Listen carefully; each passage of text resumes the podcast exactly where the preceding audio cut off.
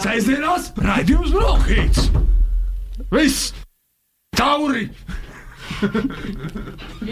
Viss tauri ar bronhītu. Tāpatās no manis nekas jēdzīgs nesanāca šodien. Esiet sveicināti radio naba klausītāji. Šis ir literatūras raidījums Bronhīts, un ar jums kā katru sestdienu kopā ar Signa Viška un Lauris Veips. Un šodien mēs atgriežamies ar rubriku Lali Naba, kas ir veltīta Latvijas literatūras gada balvai. Un šodien mēs pievērsīsimies tieši bērnu literatūrai.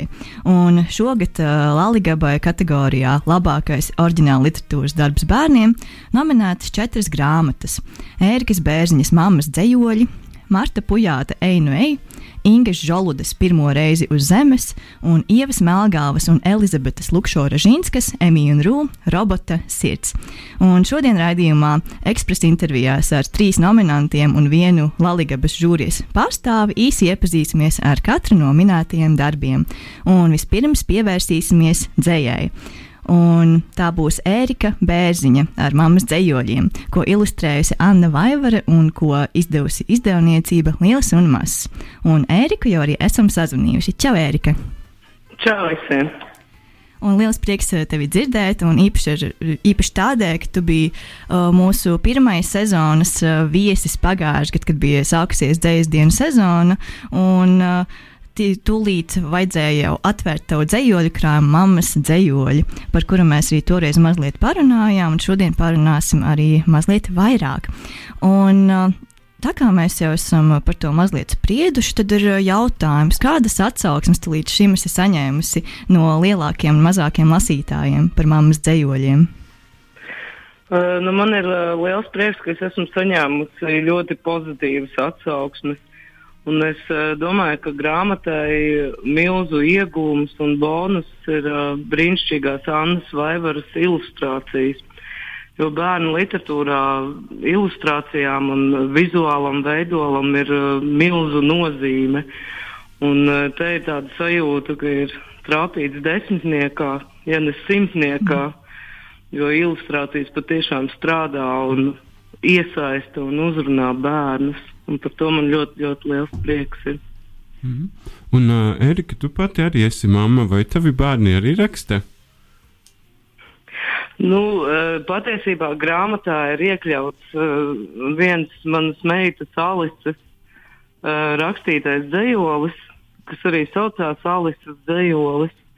Uh, ko tad, kad tapu šis krājums, viņi vienreiz tā, tā kā pa jokam man noskaitīja priekšā. Uh, Un kaut kā sanāca tā, ka dzējos ir iekļauts arī grāmatā. Bet eh, nu, man, mani bērni, nu, puiši vēl ir diezgan mazi, bet uh, meita vairāk ir ar vizuālām izpausmēm uh, saistīta un ikdienā neraksta. Bet viņa ir savulaik izdevusi mūsu mājas avīzi, kādus desmit avīzes numurus. Tas arī bija tāds ar rakstīšanu saistīts darbiņš. Bet nu, vēl jau viss ir priekšā, jo Alisē ir tikai 12 gadi. Un redzēs, varbūt kaut kad viņi arī pievērsīsies rakstīšanai. Oi, tas ir tik jauki. Prieks dzirdēt par uh, mājas, mājas avīzi. Katrai mājai vajag savu avīzi. jā, jā, jā, tas bija baigs superīgais projekts, jo es biju, kā, es biju nelegālā tipogrāfija. jo, jo avīze bija nu, uz vienas A4 lapas no abām pusēm eh, ar eh, roku rakstīta un zīmēta. Un tad es uh, sakopēju kopijas visiem uh, kaimiņiem. Un tad pēc tam mēs jā, izplatījām, iemetot paskastītē. Aha, nu, bet uz LNB vajag septiņus eksemplārus vai cik? Bet uh, saka, Lūdzu, Erika, ka tu uh, nu, grāmatā diezgan bieži uh, ir teiksim, tā, uh, mammas uh, ikdienas uh, situācijas. Tad man tāds uh, varbūt uh, nepareizi, nu, varbūt dīvaini vienkārši noformulēts jautājums, bet vai dzējolis palīdz izlausties no rutīnas, vai jau, vai jau dzējolis pats ir izlaušanās no rutīnas? Uh, nu, kaut kādā ziņā. Uh, Man, man tie dzējoļi palīdz ieraudzīt rutīnas dzīves gaišo pusi, ja tā var izteikties. Jo nu, ikdiena ar bērniem paņem ļoti daudz enerģijas un spēka. Un, un brīžiem likās, ka visa kā ir par daudz, bet tad uh, uzrakstot dzējolīti, un ir īpaši, ja tur vēl ir iekļauts kāds uh, joks vai kaut kas smieklīgs. Uh, Tad, nu, jā, nu, tad tu ieraugi, ka nu, nemaz jau nav tik grūta tā dzīve, ka īstenībā ir ļoti forši. Un, uh, es, es arī ļoti ceru, ka maniem bērniem būs tādas uh, pozitīvas sajūtas, kad viņi būs paaugušies. Un, uh, un viņi varēs saviem bērniem teikt, nu, re, kur ir uh, man, nu, mammas, nu, tad jau es būšu vecmāmiņa, cerams, grāmata, ko viņi varēs kopā ar saviem bērniem lasīt. Un tad interesanti būs, kādas tad būs sajūtas, cik daudz būs mainījies pēc gadiem, 20, uh, nezinu, bērnu ikdiena un ģimenes ikdiena. Es ļoti ceru, ka nebūs tā, ka visa dzīve notiks tikai virtuāli. Bērni tāpat ies ārā un lēkās pa peļķiem un mētāsies ar akmentiņiem un vēl visādas lietas darīs. Nu, ko, ko var izlasīt arī šajā grāmatā, ko bērni ikdienā dara. Un uh, var teikt, ka arī tava profesionālā dzīve ir uh, cieši saistīta ar uh, bērniem. Un, uh, es pamanīju, ka tu arī salīdzinoši nesen esi kļuvusi par uh, izdevuma pūcīta redaktori. Vai vari par to pastāstīt uh, mazliet vairāk? Jā, nu es tagad veidoju ne tikai žurnālu, mans mazais, kas ir domāts vecākiem par dzīvi ar bērniem, bet uh, nu, jau otru mēnesi veidoju uh, žurnālu maziem bērniem, kas ir uh, pirmsskolas vecumā. Un uh, pūcītē ir dažādi uzdevumi, nu, kur ir jārēķina, jāmācās burtiņi.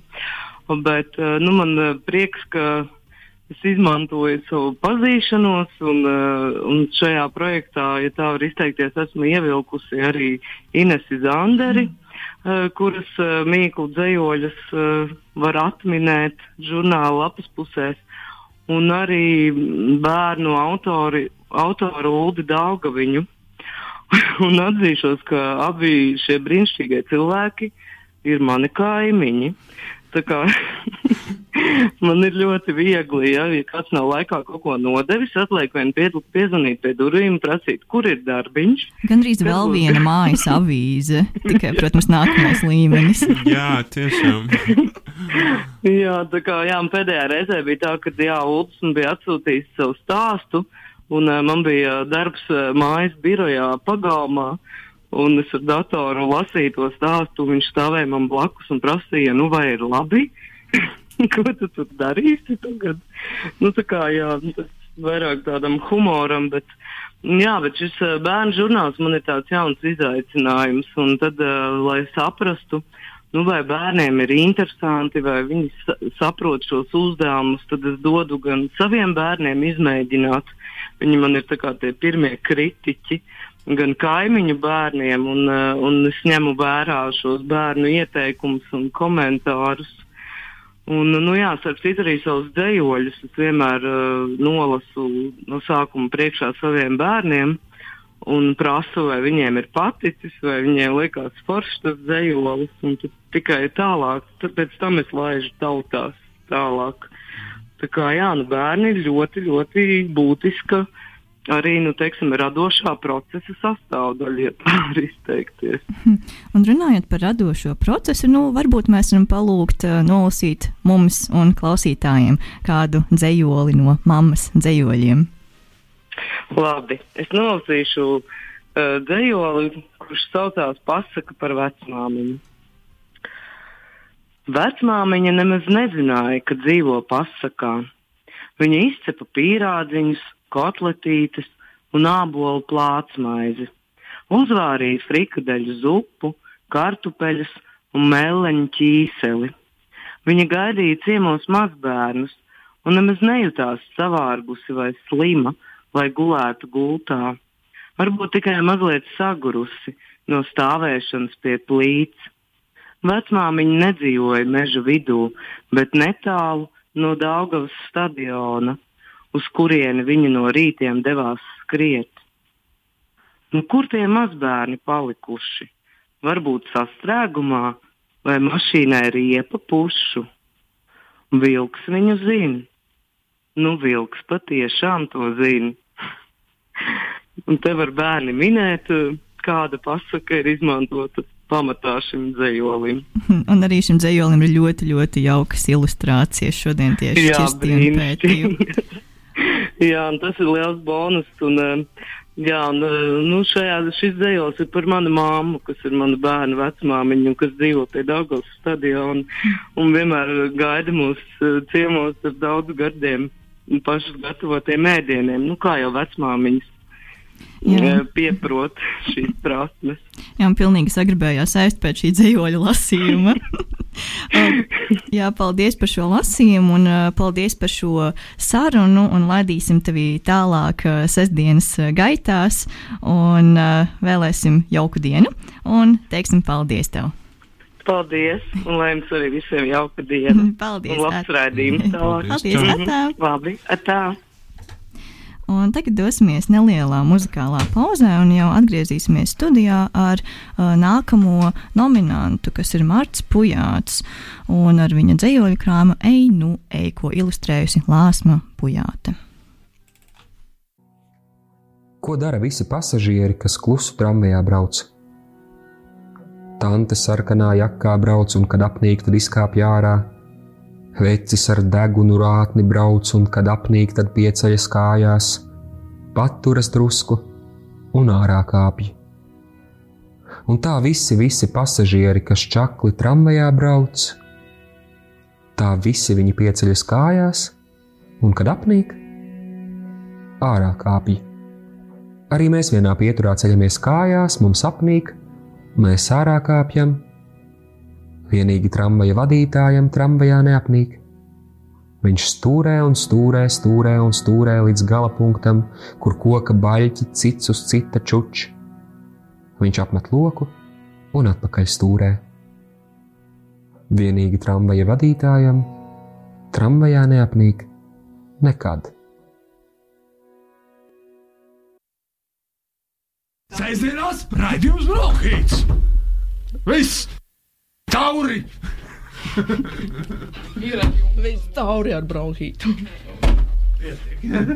Tāpatās no manis nekas jēdzīgs nesanāca šodien. Un esam atpakaļ rādījā, abas studijā, literatūras raidījumā Bronhīts. Turpinām sarunu ciklu Lalinaba, kas ir veltīts Latvijas literatūras gada balvai. Un šodien mēs runājam tieši par bērnu literatūru un esam sazvanījuši nākamo nominantu Martu Pujātu. Čau! Čau! Un, uh, sāksim ar uh, tādu diezgan uh, klasisku jautājumu, uh, arī secinājumu daļēji. Uh, šī ir uh, tava debija bērnu literatūrā, un kā tu vispār nonāci līdz šim dzējoļu krājumam, ej, nu ej? Uh, mm, māsa uh, gribēja ilustrēt grāmatiņu, un uh, viņa teica, ka man ir jāsaraksta kaut kas tāds, lai viņa var to tā forši ilustrēt. Un viss. Tā tas arī tas bija tāds galvenais uh, virzītājs spēks. Mm -hmm. Un uh, jau, jau labs laiciņš pagājis pēc grāmatas izdošanas, nu tad uh, retrospektīvā. Uh, tas skatoties, nu, ko, kas, ko cilvēki ir teikuši, vai cilvēkiem patīk, uh, un no otras puses, ko tu pats uh, domā un kā tu pašlaik jau skaties uz to darbu ar tādu laika distanci? Cilvēkiem, cilvēki pārsvarā jau tādus labus vārdus saka. Par šo grāmatu. Man arī liekas, piemīlīga un jauka. Uh, forši. Man šķiet, ka mēs Bronhītā vispār runājam tikai par piemīlīgām un jaukām grāmatām. Un mēs arī pirms raidījuma šķirstījām eju no eju un ļoti priecājāmies par ilustrācijām un to, cik tiešām ir vienota krāsu palete un viss pārējais. Un mm -hmm. cik jauki gan pieaugušiem, gan noteikti arī bērniem šķirstīt šos dzējoļus. Un mēs nu pat arī runājām ar Ēriku Bērziņu un noteikti vēlamies atzīmēt, ka jūsu abu grāmatiņas atvēra vienā dienā un vienā un tajā pašā dzēsdienu pasākumā, kas arī mhm. bija ļoti, ļoti forši. Un uh, tad ir tāds jautājums, nu, ne visi pieaugušie var un spēj rakstīt bērniem. Kas tavuprāt padara autoru par bērnu literatūras autoru? Ai, es, es pat nezinu. Man liekas, ka, mm, ka bērnu dzējumu, ja mēs tā paskatāmies, reti, kad raksta tādi pavisam jauni autori. Teiksim, tādi jaunie autori, kad viņiem ir gadi 16, 18, 20, tad viņi mm, raksta bērnu, bērnu dzējumu. Vismaz. Uh, un tad uh, kaut kādā brīdī pienāk tāds vecums, kad var rakstīt to bērnu dzēju. Nu, nevis var, bet, nu, kā autors sevi tā kā uh, ierauga arī šādu iespējamo šķautni. Jā, tāda nepieciešama pieredze, lai spētu atkal negluži iejusties bērnu ādā, bet kaut kā paskatīties uz to ar uh, svaigu o, aci, teiksim tā. Vismaz man tāds iespējas radies. Nu, jā, mums ir jāskatās uz to, kas notiek tāda 20-gadīga autora galvā. Un uh, viņam vienkārši ir uh, šāda te paskatīšanās uz, uz savu bērnību vai arī iejušanās kaut, kaut kādās ādās tajā brīdī vienkārši nav aktuāli vēl. Jo ir pārāk uh, aktuāli tas, kas notiek uh, ar konkrēto cilvēku tajā brīdī, ar viņu pašu. Mm. Droši vien tā kaut kā. Un uh, grāmatā, grāmatas kā, epigrāfā ir šķiet tavas meitas div, divrindīte. Jā. Uh, man nedavās laimes svētkos, divas zemenes nedavās laimes svētkos. Uh, ļoti, ļoti jaukas rindiņas, uh, var, vai tavi bērni turpina rakstīt? Uh, mani uh, bērni ir. Uh, šādi tad viņi kaut ko izdomā. Viņi, viņi neko tā konkrēti neraksta. Un, uh, bet šeit viņi kaut ko tādu interesantu pasaka. Nu, tā jau visi bērni mēdz kaut kādas uh, tādas uh, mīļas dīvainības runāt. Bet, bet ir interesanti, ka tur ir tāda, ka tur tajās rindiņās tomēr ir arī, ar, ir arī saskaņa ar taviem tekstiem kaut kādā ziņā. Uh. Oh, jā, iespējams. Mm. Uh, man vienkārši kaut kā šī divrindīte likās tāda tāda jauka un um, dīvaina. Jā, tāds ļoti izdevies uh, ievads, uh, teiksim, tā tam dzējoļu krājumam. Un, Klau, varbūt Jā. tagad mēs varam uh, palūgt uh, tevi nolasīt uh, kādu dzējoli no Einu Ei. Nu pat mēs dzirdējām ierakstu par uh, tramvaju un tramvaja vadītāju, kuram nekad uh, neapnīk uh, būt uh, ah. tur. Un, jā, varbūt mums vari kaut ko nolasīt tagad. Uh, kaut ko tādu nelielu, ne? Droši vien. Jā, var arī vairākus nelielus, ja ir tāda luste. Uh, nolasīšu šo te. Tas, kas ir arī uz grāmatas uh, aizmugurītes, uh, uzrakstīts. Tur aiz balto jāņogu krūmiem grāvis kur nevar iet. Tur nevar iet, tur var iekrist un sasisties. Tur nelaiž, tur vecos zarus velk un liek. Tur nav brīvi, tur vilku vālas, tur viss ir apstājies. Tur nevar iet, tur pasaules mala. Tur var nokrist un sasisties. Tur nav ko redzēt, tur nevajag līst. Kad izaug liels, tikai tad tur var iet. Bet tad tur vairs negribas. Tad dzējolīti nolasīju tikko. Jā, taisnība. Tagad uh, var kaut kur iet, un kad tas ir atļauts, tad uh, tiešām vairs nevelk tik ļoti uz to. Tā, jā, tā ir pavisam, pavisam vienkārša doma tēdzējolī. un visiem pazīstama.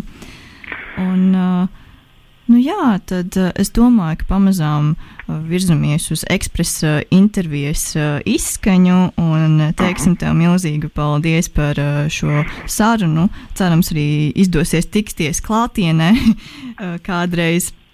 Ne Jā. tikai šādi attālināti, un tad nu gaidīsim uh, Latvijas ceremoniju, turēsim īkšķus, un tad jau uz sadzirdēšanos citreiz.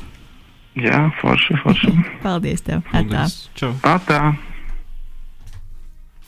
Nu, lūk, tas bija Marts Pujāts un sarunājāmies par viņa dzējoļu krājumu Ei, nu, ei. Un uh, tūlīt pēc brīža jau pievērsīsimies uh, trešajam darbam, kas uh, nominēts bērnu literatūras kategorijā. Un, tā ir uh, Ievas Melgalvas un Elizabetes Lukšora Žinskas grāmata Emīļa un Rū robota sirds, ko ir uh, izdevusi Tuta Mīdija. Savukārt ilustrējusi Guna Poga, bet dizainu veidojis Aleksejs Morāško un pēc brīža jau būsim sazvanījuši Elizabeti. Tā kā palieciet pie radioaparātiem un tūlīt būsim atpakaļ. Sēžamās raidījums Brokhīts. Viss! Tauri! Ir viss tauri ar bronhītu. Tāpatās no manis nekas jēdzīgs nesanāca šodien. Esam atpakaļ rādījumā, studijā, literatūras raidījumā Bronhīts un turpinām sarunu par Latvijas literatūras gada balvai nominētajām bērnu grāmatām. Un esam sazvanījuši Elizabeti Lukšo Ražīnsku. Čau! Čau! Jā, un uh, grāmata, grāmata Emīļa un Rū robota sirds.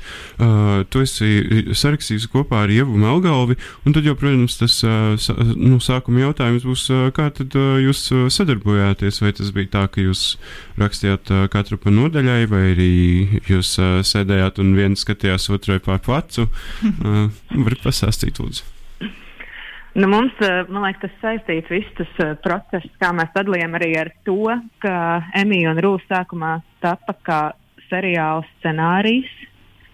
Un tad, attiecīgi, sākumā bija sarakstīta uh, se, viena sezona seriāla ar 16 sērijām, un tad to seriālu mēs rakstījām katru pa sērijām. Nu, tur kaut kādas koncepts, idejas kopā mētājām, bet būtībā katra pa sērijai.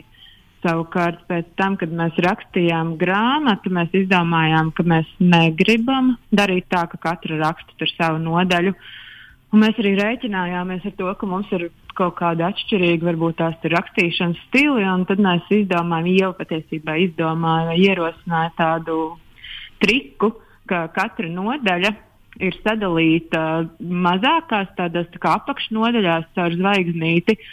Un, uh, viņas, uh, tās mazākās apakšnodaļas, ir, ir saistītas ar uh, varoņa skatu punktu maiņu. Mēs to neesam tur tā baigi pieteikuši. Tur nav Emīlijas daļa, rūda daļa, bet tas patiesībā tur mainās. Uh, kā, nu, varbūt arī kaut kāds kinematogrāfiskais efekts ir klāts. Domājot par to, ka, kuram varonim varbūt tajā brīdī seko kamera, kura varoņa arī sajūtas mēs zinām un zinām, ko viņš dara. Tad mēs sadalījām tā, ka es rakstīju Emīlijas tās daļiņas un Ieva rakstīja Rūda. Un tad mēs paralēli metām Google dokā un skatījāmies, ko otrs rakstījusi. Un gājām lēnām uz priekšu. Nu, patiesībā diezgan ātri uz priekšu, bet mēģinājām pakāpeniski. Un izklausās īstenībā ļoti interesanti. Teiksim, tā rado, radoša pieeja pat uh, kop, kopdarbam. Uh, Jā. bet uh, kāda tu varētu būt uh, nu, mīļākā no epizodēm, vai uh, nu, uh, kas tev ir visvairāk palicis uh, prātā no šiem uh, notikumiem?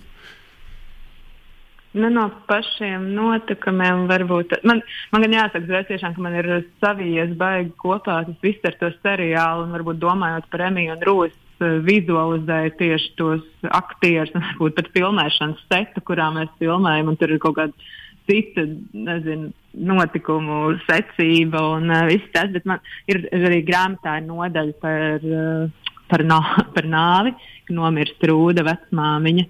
Un uh, tad Emīlīte ir mēģina viņam izteikt līdzjūtību un kaut kā viņu mierināt. Tā ir tāda mīļa, manuprāt.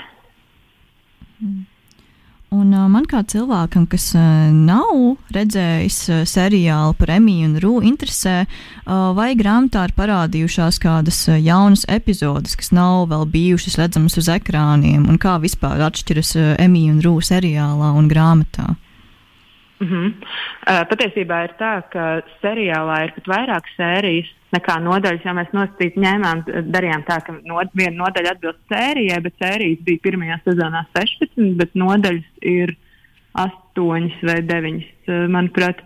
Un tad var, nu, kaut kādā ziņā pēc seriāla ir vairāk notikumu, bet tajā pašā laikā grāmatā, protams, mēs daudz vairāk uh, mēģinājām ieskicēt uh, varoņu iekšējo pasauli. Un, to, ko varbūt tās uz ekrāna izdara aktieris ar savu meistarību, nodot kaut kādas emocijas. Tur mēs, protams, to rakstījām par iekšējiem monologiem, vai varbūt tās atklājām kaut kādas pat vairāk detaļas par varoņu pagātni vai bērnību, kaut kādas sīkumiņas ielikām, kas uh, vairāk portretē tos varoņus. Nu, tā ir varbūt tāda atšķirība. Mm -hmm. Un uh, vai pirms grāmatas publicēšanas jūs arī devāt to lasīt jaunajiem lasītājiem? Es skatos uz uh, grāmatas ceturtā vāciņa, un man ļoti patīk uh, kādas uh, lasītājas uh, atsauksme. Uh, par to, ka šī grāmata mainīja manu dzīvi. Ah, tas ir lasītājs Edvards, desmit gadi. mēs, mēs tur tā daļai, tas ir fikcionāls, bet daļai mēs arī intervējām ma mazos par Edvardu. Tas, bija, tas bija mans izdomāts joks, bet pārējās patiesībā tie mazākie bērni bija pat mūsu draugu, draugu bērniem pajautāts, pajautāts sajūtas par seriālu. Un tad mēs tās apvienojām par savas grāmatas uzlikām. Vai cik jauki? Jā, rīktīgi forši. Un uh, mums ar Lauru jāteic, ka arī mums pašiem bija ļoti jautri un interesanti lasīt šo grāmatu. Un man kā izbijušai uzlīmju kolekcionētājai ļoti, ļoti patika uzlīmes. Un varbūt pastāsti mazliet vairāk par uh, dizainu. Uh, grāmatas ilustrācijas, uh, ilustrācija autora ir Guna Poga, savukārt uh, dizainu ir veidojis Aleksējs Muraško. Kā jūs tad visi kopā sadarbojāties un nonācāt līdz uh, šīs grāmatas uh, šādam dizainam? Mm -hmm.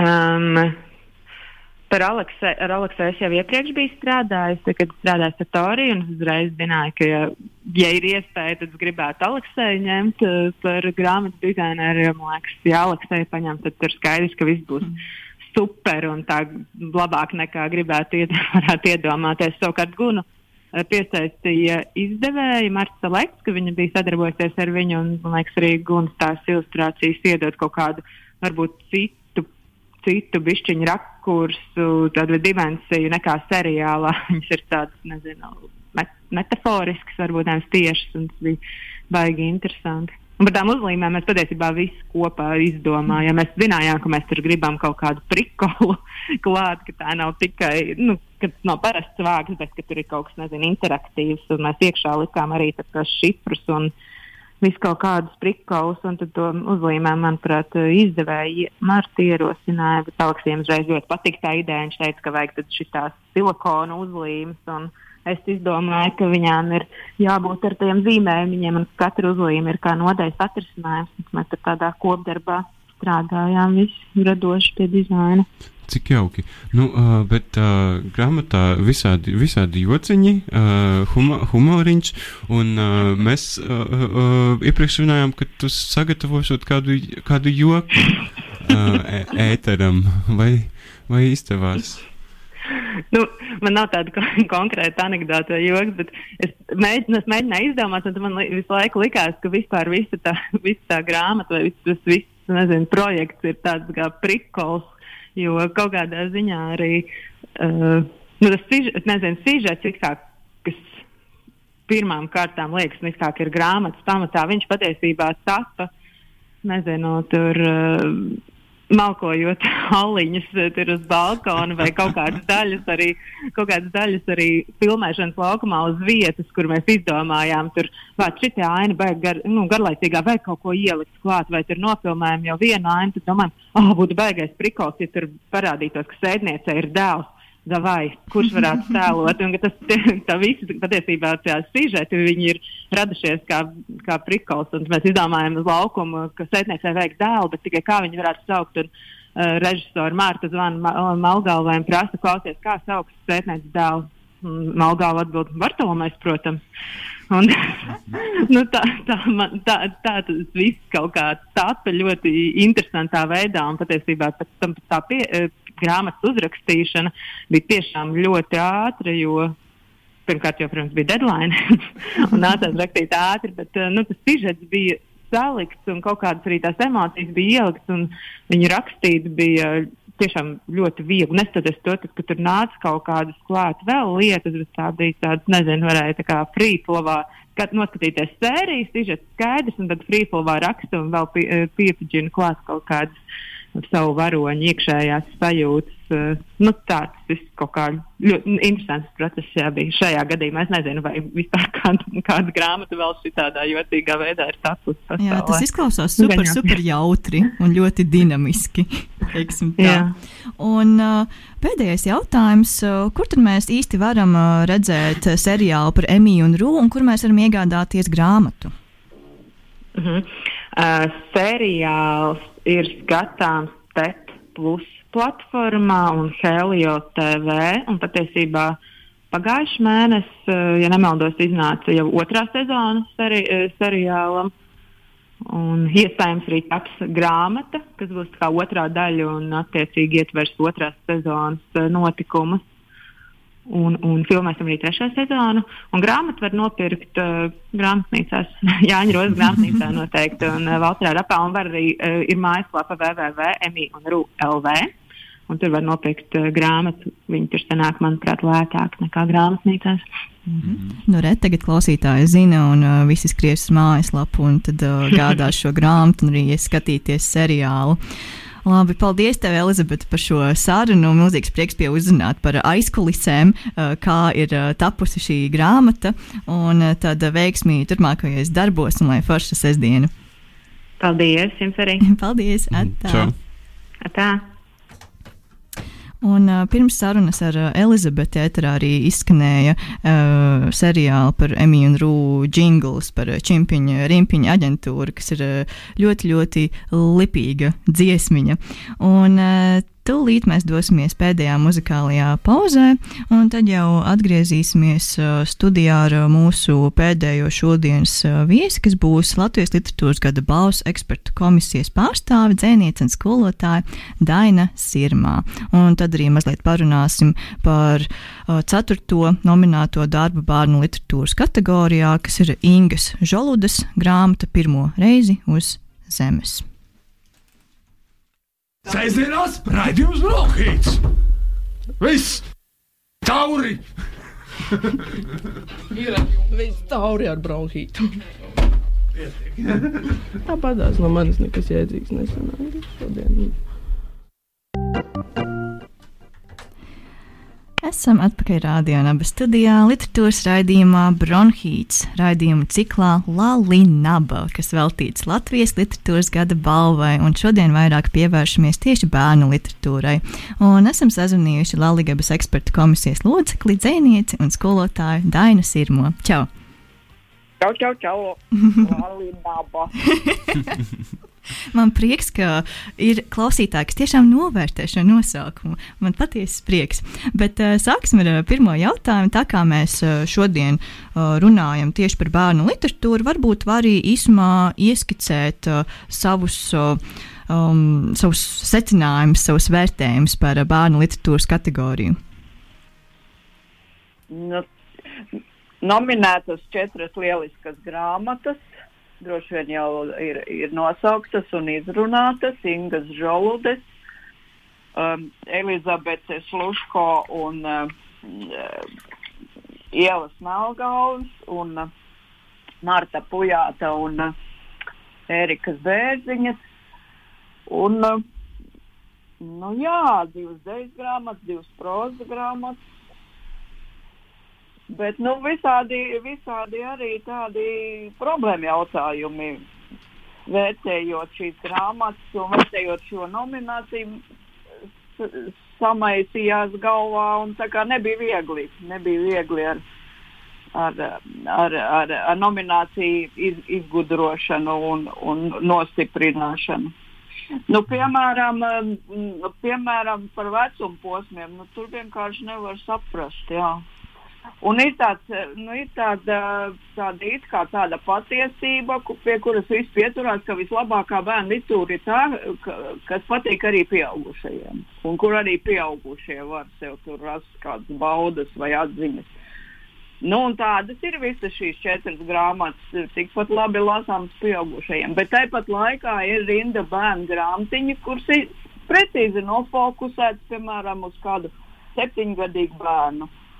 Perfekta, brīnišķīga grāmata, un es jau saprotu, un jūtu, un zinu, ka desmitgadīgais bērns vairs tādu nelasīs, un pieaugušais netika. Tad, bet vai tāpēc tā grāmata ir sliktāka? Nu, taču nav. Nu, tāds visāds domas jau. Un, uh, mēs arī aizkadrā mazliet parunājām par uh, to, cik uh, foršas ir tavas īsrecenzijas, uh, kas ir publicētas Latvijas literatūras gada balvas uh, mājaslapā, un uh, to arī piesakot nominantus Latvijas preses konferencē. Ļoti, um, ļoti teiksim, tā izvērsti izteicies par katru no darbiem. Laurim vispār bija atsevišķi jautājums par visu šo. Jā, nē, es vienkārši domāju, man liekas, ka tas atstāja tādu iespēju, uh, gan, uh, gan apraksti, gan uh, atvēršana, uh, atklāšanas uh, ceremonija.